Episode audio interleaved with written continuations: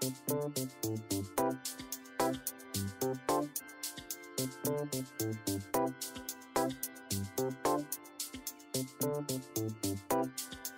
pendengar, selamat datang di podcast Dokter Pribadi. Tetap bersama saya Haryadi Wijaya. Beberapa hari yang lalu kita kehilangan aktor dan penyanyi Agung Hercules. Beliau meninggal setelah berjuang menghadapi penyakit tumor otak yang ganas. Sakitnya itu cukup mengagetkan masyarakat karena almarhum Agung Hercules dikenal sebagai orang yang memiliki pola hidup sangat sehat. Bagaimana ceritanya seorang yang sangat sehat dan bugar bisa terkena penyakit tumor ganas ini? Dan bagaimana pula cara mendeteksi, mengobati, sekaligus mencegahnya? Untuk menjawab semua pertanyaan itu, kami berbincang dengan Dr. Hendy Samin, spesialis saraf dari Rumah Sakit Siloam Medan. Halo Dr. Hendy, gimana kabarnya? Selamat malam Pak Didi, kabar sehat? Sehat ya, oke luar biasa. Gini Dokter Hendy, jadi uh, kita dari podcast dokter pribadi ini punya satu apa ya topik ya mungkin yang lagi hangat-hangatnya nih.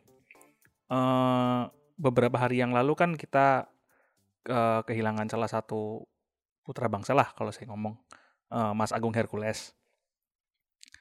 Uh, dia kan uh, apa mengalami itu ya meninggal karena kanker otak dokter. Nah, makanya kita pengen tahu nih.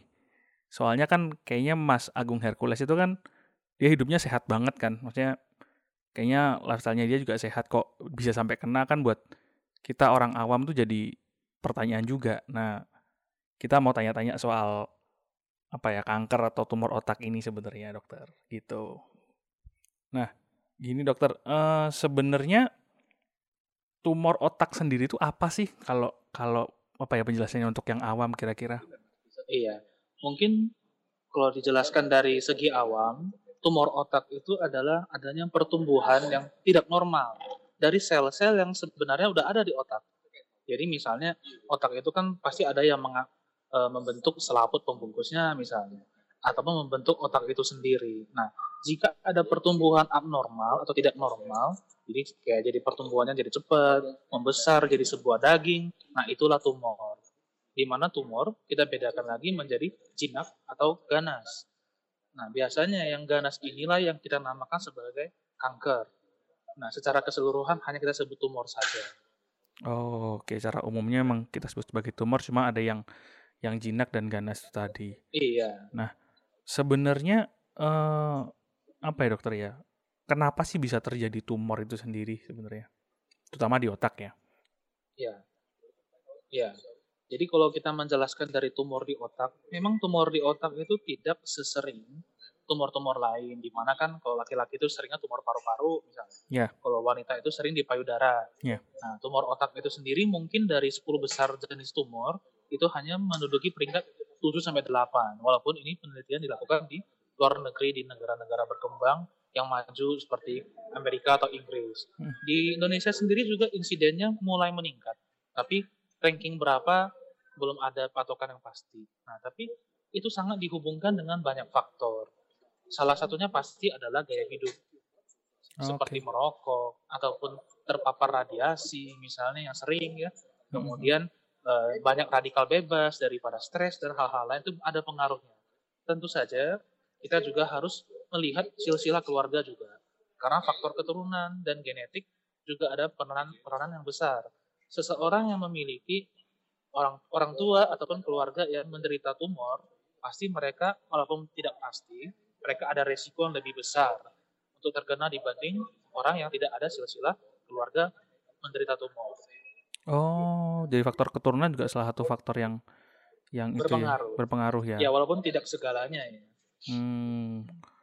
Nah, sebenarnya apa namanya kalau kalau itu kan satu keturunan karena kalau dari dari gaya hidup sebenarnya dokter soalnya kan kalau kita ngomong misalnya kayak yang paling sering terjadi kalau uh, kanker paru-paru itu kan uh, apa ya kita radik salah satu faktor penyebab mungkin merokok terlihat jelas kan. Nah kalau kayak kanker uh, sorry untuk tumor otak sendiri itu apa yang misalnya faktor eksternalnya selain keturunan tuh yang memang istilahnya bisa dikatakan yeah. dominan lah yang jadi faktornya oh, iya.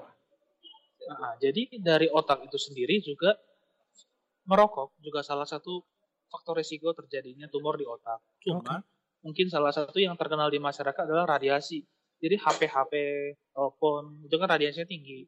Hmm. Seringkali ada tuh yang sering berjam-jam telepon nempel langsung di telinga. Nah, itu juga ada pengaruhnya. Oh, Walaupun okay. Tanpa ada bakat untuk menjadi tumor, dia belum tentu akan jadi tumor. Jadi bukan berarti kalau 10 orang tuh dengar telepon berjam-jam, 10 orang tuh akan jadi tumor enggak. Tapi mungkin dari 10 orang itu ada beberapa yang berbakat, dia bisa berkembang menjadi sebuah tumor. Jadi mungkin radiasi-radiasi juga harus kita kurangin sebisa mungkin. Hmm. Kalau menurut studi medis itu yang paling paling sering jadi penyebab itu apa dokter sebenarnya? Nah, kalau di otak salah satu adalah faktor genetik. Oh, itu okay. yang susah memang. Ya. Di otak itu salah satu yang sangat sangat berperan penting itu genetik. Oh, Oke, okay. faktor genetik ya. Nah, ya. kalau tumor ini kan tadi dikatakan ada yang ada yang jinak, ada yang ada yang ganas itu. Iya. Kalau bedanya tuh uh, di mana dokter? Karena kalau ini dari studi kami kayak uh, contohnya di case-nya almarhum Mas Agung Hercules itu kan namanya glioblastoma ya kalau nggak salah ya. Glioblastoma betul. Ya. Itu sebenarnya ada ada macam-macam kah atau ada gimana? Karena apa kalau kayak apa kanker uh, tumor otak ini kan sangat agak kurang umum sebenarnya di masyarakat kita kayaknya ya. Oke. Ya, jadi yang mungkin yang bisa saya jelaskan Mas Agung Hercules, almarhum Mas Agung Hercules itu kan terkena glioblastoma. Hmm. Dari segala macam bentuk tumor otak itu adalah tumor yang paling ganas. Okay. Jadi itu adalah tumor yang istilahnya stadium 4. Dan dia itu memiliki harapan hidup. Jadi orang yang sudah terkena glioblastoma secara penelitian hanya sanggup bertahan hidup itu 12 sampai 18 bulan. Sehingga biasanya rata-rata oh, orang itu bertahan paling lama walaupun dengan terapi apa pun hanya bertahan satu setengah tahun. Jadi itulah itulah salah yang yang paling berat. Dan sedihnya adalah itu adalah termasuk salah satu jenis tumor yang sering dijumpai dibandingkan tumor yang lain pada otak. Ya, okay, okay. Jadi sebenarnya glioblastoma itu sendiri adalah salah satu subbagian atau bagian kecil dari sekelompok tumor namanya glioma. Di mana glioma ini mencapai 50% dari semua jenis tumor otak pada orang dewasa. Nah, ini salah satunya adalah variannya adalah atau variasinya adalah si glioblastoma ini. Memang sayangnya glioblastoma ini cenderung fatal. Dan dia biasanya terkena pada laki-laki lebih sering dibanding wanita. Biasanya usia dekade 5 dan 6. Itu yang sering di sana. Oh, oke okay. ya ya ya ya. Nah, kalau gitu nih dokter, sebenarnya apa ya ketika kita ngomong ada ada tumor di otak ini kalau uh, sebenarnya gejalanya tuh seperti apa sih karena kalau kalau kebanyakan kan orang sakit di kepala ada sesuatu yang nggak beres lah di di, yeah. di iya. otak itu kan paling gejalanya cuma pusing nah sebenarnya gejalanya yang bisa kita katakan oh ini mungkin uh, ada yeah. ada gejala apa? pada gejala iya. tumor yeah. pada otak gitu itu apa ya kira-kira dokter? Ya, jadi memang sesuai Mas Didi bilang 50% ke atas orang yang menderita tumor otak, gejala utamanya memang biasanya adalah sakit kepala. Itu hmm. karena efek pendorongan daripada tumornya di dalam kepala. Hmm. Ada yang kedua yang sering adalah kejang. Oh, okay. Jadi kejang kan tidak umum ya, kecuali orang yang memang memiliki riwayat epilepsi atau ayan pada sononya dari sononya. Jadi hmm. kalau misalnya ada nyeri kepala atau ke, yang sampai kejang, itu sudah salah satu yang mencurigakan. Kemudian jika ada nyeri, suatu nyeri kepala yang berkembang, Artinya berkembang seperti ini. Awalnya mungkin cuma sakit kepala. Bulan depannya sakit kepalanya sampai nggak bisa gerak tangan kaki, Sampai bicaranya pelo misalnya. Jadi ada sebuah oh, perkembangan. Okay. Ya, jadi ada yang berubah-berubah sehingga makin lama ke sana makin berat. Nah, itu kami sebut kronik dan progresif kalau di bahasa medis artinya dia lama dan berkembang. Itu adalah salah satu gejala khas bahwa ini adalah suatu pertumbuhan tumor di kepala. Oke oke oke. Jadi ada ada per, karena sakit di kepala ini ada progresinya yang berefek pada Ah, ah, makin lama makin hebat gitu. Oke oke oke. Nah sebenarnya, nah ini kalau sederhananya nih dokter, untuk membedakan atau mungkin pada taraf mana sih sebenarnya orang itu harus mereksakan uh, lebih lanjut mengenai sakit kepalanya karena karena gini, yang jadi masalah kan di pasaran ini entah itu di apotik atau di minimarket kan uh, banyak sekali obat-obat yang istilahnya memang untuk mengurangi rasa sakit kepala. Nah ini yeah. Oh, jadi orang kan mungkin sakit kepala langsung minum obat, sakit kepala sedikit minum iya. obat. Yeah. Nah itu pada titik mana orang tuh harus menganggap serius dan harus memang pergi ke profesional istilahnya. Baik. Ya, sebagai seorang dokter spesialis saraf, mungkin kami akan menyarankan begini. Jika ada nyeri kepala yang berulang, jadi kalau misalnya cuma sekali dalam 10 tahun, wajar lah sakit kepala yeah. sekali-sekali. Yeah. Tapi jika nyeri yang berulang, berulang kali, apalagi dalam setahun itu tiap kuartal bisa sampai 4-5 kali, kemudian nyeri yang tidak teratasi juga dengan obat warung istilahnya, yeah. atau, atau ada suatu nyeri yang terus bertambah intensitasnya disertai dengan adanya gejala-gejala baru. Maka hal-hal seperti itu biasa kita sarankan untuk uh, cek ke dokter terdekat. Jadi oh, okay. mungkin dari saya seperti itu. Jadi nyeri kepala itu memang sekilas sepele. Dari penyakit yang paling simpel sampai paling berat bisa ada gejala nyeri kepala. Hmm. Tapi kita harus bisa ya mungkin awarenessnya harus lebih kita bangun untuk melihat supaya karena kadang-kadang kita bilang uh, di Indonesia kayaknya nggak banyak kasusnya, mungkin banyak yang belum terdeteksi oh, karena okay. awareness masyarakat yang kurang. Iya iya. Jadi ya, mungkin ya. Uh, dengan ya adanya uh, wawancara kita hari ini ya harapannya juga orang bisa lebih giat memeriksakan diri jika ada mengalami gejala seperti itu. Benar, benar. Memang itu tujuannya kita karena kan ya itu uh, apa ya? Kita sering kali menganggap enteng bagi sakit kepala itu dari banyak banget penyakit yang Iya. Salah satu itunya iya. sakit kepala. Orang flu aja bisa kepalanya bisa sakit gitu. Itu dia. Iya. Nah, nah sebenarnya dokter kalau kalau kita ngomong ya kalau kita ngomong glioblastoma tadi kan memang yang su sudah paling parah lah atau yang paling iya. kronis. Sebenarnya tumor otak tadi yang dokter bilang macam-macam itu sebenarnya tumor otak itu bisa disembuhkan nggak? Oke. Jadi tumor otak ini kan adalah suatu pertumbuhan. Jadi yeah. pertumbuhannya kan kita bagi seperti tadi ada yang jinak, ada yang ganas. Nah, semua jenis tumor rata-rata hanya ada tiga jenis pengobatan: pembedahan, radiasi, yeah. dan kemoterapi. Yeah pada jenis tumor yang jinak, pilihan kita tentu saja pertama adalah pembedahan. Jadi sebisa mungkin yang jinak itu kita buang. Hmm. Sedangkan kalau ganas, yang kemungkinannya tidak bisa dibedah, maka jenis terapi pilihan kita adalah radiasi dan kemoterapi. Otomatis dengan uh, jenis pilihan seperti ini, pembedahan pada yang ringan atau yang jinak, pasti kemungkinan kesembuhannya lebih tinggi. Tapi yang tidak bisa dibedah, yang hanya diradiasi atau kemoterapi, pasti kemungkinan kesembuhannya lebih buruk dibanding yang jinak. Di mana memang ada penelitian dalam 30 tahun terakhir, di mana kemajuan teknologi, kemajuan obat-obatan sudah menyembuhkan survival rate atau kemungkinan kesembuhan dari tumor lain. Salah satu yang tidak terlalu naik atau cenderung stagnan adalah kanker otak atau tumor otak yang ganas. Okay. Uh, rasio kematiannya masih termasuk sangat tinggi. Mungkin itu yang harus dikembangkan lagi ke depan. Oke, karena memang mungkin karena ya karena apalagi kalau sudah ganas dan ini jaringannya kan istilahnya tumornya terjadi di apa ya organ yang sangat sensitif dan sangat ya. penting juga kan untuk tubuh iya. kita. Iya. Iya iya iya iya ya. Oh. Nah, sekarang ini pertanyaan yang penting dokter. Kalau istilahnya ya memang yang namanya tumor seperti kita umumnya tahu memang cara penyembuhannya kan ya tiga itu.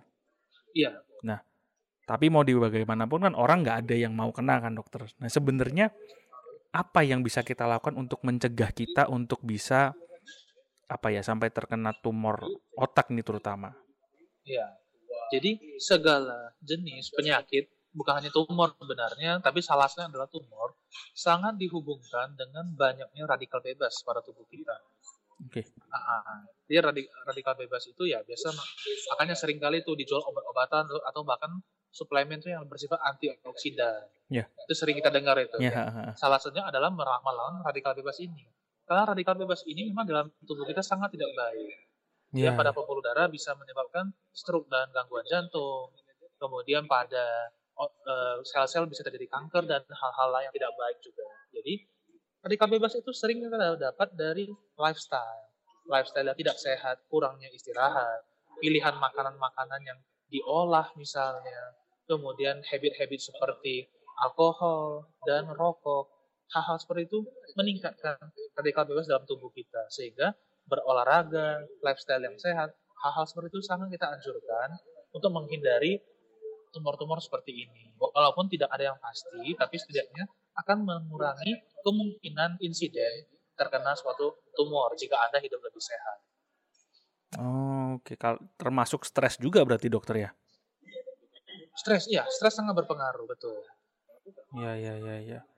Sa uh, kita tuh pernah dapat info gini tuh. Salah satu info yang kita gali lah di masyarakat yang berkembang yeah. itu iya. adalah ketika orang sudah terkena tumor itu, ya nggak cuma tumor otak sih, tapi rata-rata tumor itu ada ada ada ada satu diet lah, diet keto kalau nggak salah yang yang katanya bisa iya. menyembuhkan itu itu sebenarnya benar nggak sih ketika orang sudah terkena tumor istilahnya dia memperbaiki lifestyle-nya dengan melakukan satu diet tertentu di case ini ya. diet keto ya terus bisa menyembuhkan gitu memang bisa ya dokter ya jadi diet ketogenik itu kan lagi terkenal ya, ya. di mana diet ini nggak boleh ada gula atau karbohidratnya rendah atau bahkan nggak ada kemudian ya. lemaknya yang tinggi gitu ya. ya prinsipnya seperti itu jadi ya ada teori yang mengatakan seperti ini tumor itu kan sebenarnya juga sel dalam tubuh kita yang berkembang cepat, gitu ya. Yeah.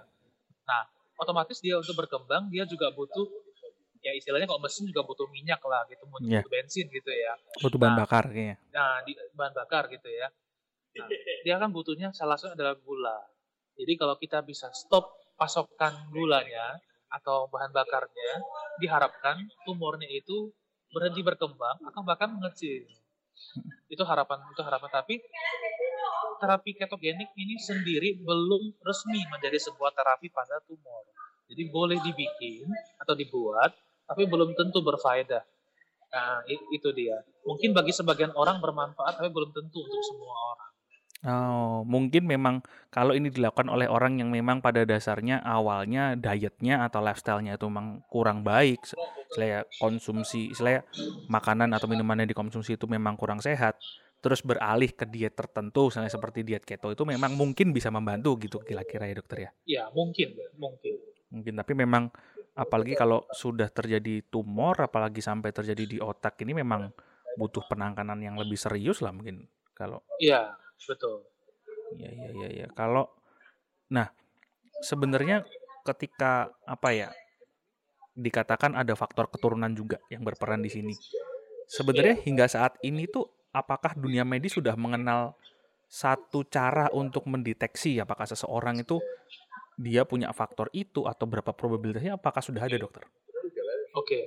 Jadi oh, probability secara pasti sulit, tapi yang bisa kita lakukan adalah ada beberapa jenis tumor dikait, dikaitkan dengan gen-gen tertentu atau kromosom-kromosom tertentu. Okay. Itu bisa kita periksa. Tapi belum semua tumor yang ada parameternya. Tapi tertentu sudah ada. Oh iya iya kayak prostat itu sudah ada kalau nggak salah ya. ah, ya. Prostat iya. sudah ada. Jadi, jadi belum semua tapi banyak yang sudah ada. Iya iya. Tapi kembali ada bakat, ada genetik seperti itu juga belum tentu akan tumbuh. Itu susahnya kadang-kadang.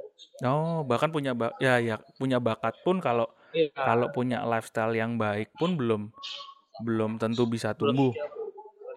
Iya, ya, Seperti mungkin kita pernah ingat dulu Angelina Jolie ya, salah satu aktris Hollywood. Iya. Dia ya. kan mendeteksi dia ada bakat untuk terkena kanker payudara. Padahal belum kena, tapi dia udah ya. melakukan tindakan untuk buang dulu gitu ya, payudaranya ya. supaya mungkin itu itu contohnya. Jadi belum tentu kita kena, tapi kita bisa deteksi bakatnya ada apa enggak gitu. Oh, oke oke oke. Tapi memang istilahnya mau bagaimanapun juga punya bakat nggak punya bakat itu yang paling penting adalah mencegah dengan punya lifestyle yang baik itu tadi ya dokter ya. Ya itu salah satu yang bisa mencegah walaupun belum pasti juga tapi kemungkinan untuk mencegahnya lebih besar dibanding yang tidak melakukan itu. Ya dokter kira-kira ada pesan-pesan nggak buat kita semua tips lah mungkin untuk menjaga kesehatan terutama yang berhubungan dengan syaraf otak apalagi mengenai soal tumor ini. Ya mungkin kalau dari saya ya. cuma eh, segala macam jenis tumor itu sebenarnya banyak yang belum tentu semua dapat dicegah tapi ya saya cuma ingin mungkin mengajak kembali para pendengar untuk jika anda ada keluhan yang seperti sakit kepala yang berkepanjangan sering pusing-pusing ada pandangan ganda kalau melihat sesuatu hal-hal yang berkaitan dengan kepala alangkah bagusnya kita periksa secepat mungkin karena tidak ada salahnya eh, kita untuk lebih awas istilahnya ya Yeah. Jadi lebih cepat, walaupun pada akhirnya normal ya syukur nggak apa-apa. Tapi kan eh, jangan sampai terlambat karena sering kali didapatkan itu sudah terlambat. Dan kalau sudah stadium lanjut, lebih banyak lebih dari setengah tumor itu didapatkan itu udah lanjut, udah yang ganas istilahnya. Kalau sudah ganas, otomatis kemungkinan untuk keselamatan atau survivalnya jauh lebih rendah jadi. Ya, ya, Jadi ya. mungkin itu yang saya ingin saya sampaikan pada malam ini. Ya, ya, memang istilahnya pesan untuk mendengar kita nih ketika selain tubuh memberi sinyal, kalau bisa-bisa mungkin memang kita segera ke profesional supaya kita bisa mendeteksi apa yang sebenarnya iya. terjadi ya, ya dokter ya. Iya, betul sekali mas. Oke, kira-kira mungkin seperti itu bincang-bincang kita hari ini. Terima kasih ya. banyak untuk Dokter Hendy buat waktunya, buat sharingnya. Mungkin next time kita kalau ada pertanyaan lagi ya dok ya, kita ngobrol-ngobrol ya. lagi. Oke, kira-kira kayak gitu. Ya. Terima kasih dokter. Baik. Sama-sama Pak. Mari sampai jumpa. Malam. Malam.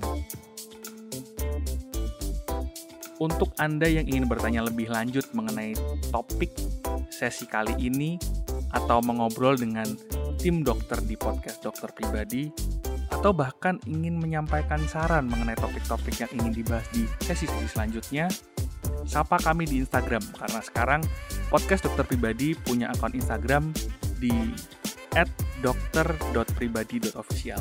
Sekali lagi akun Instagram kami ada di @dokter.pribadi.official.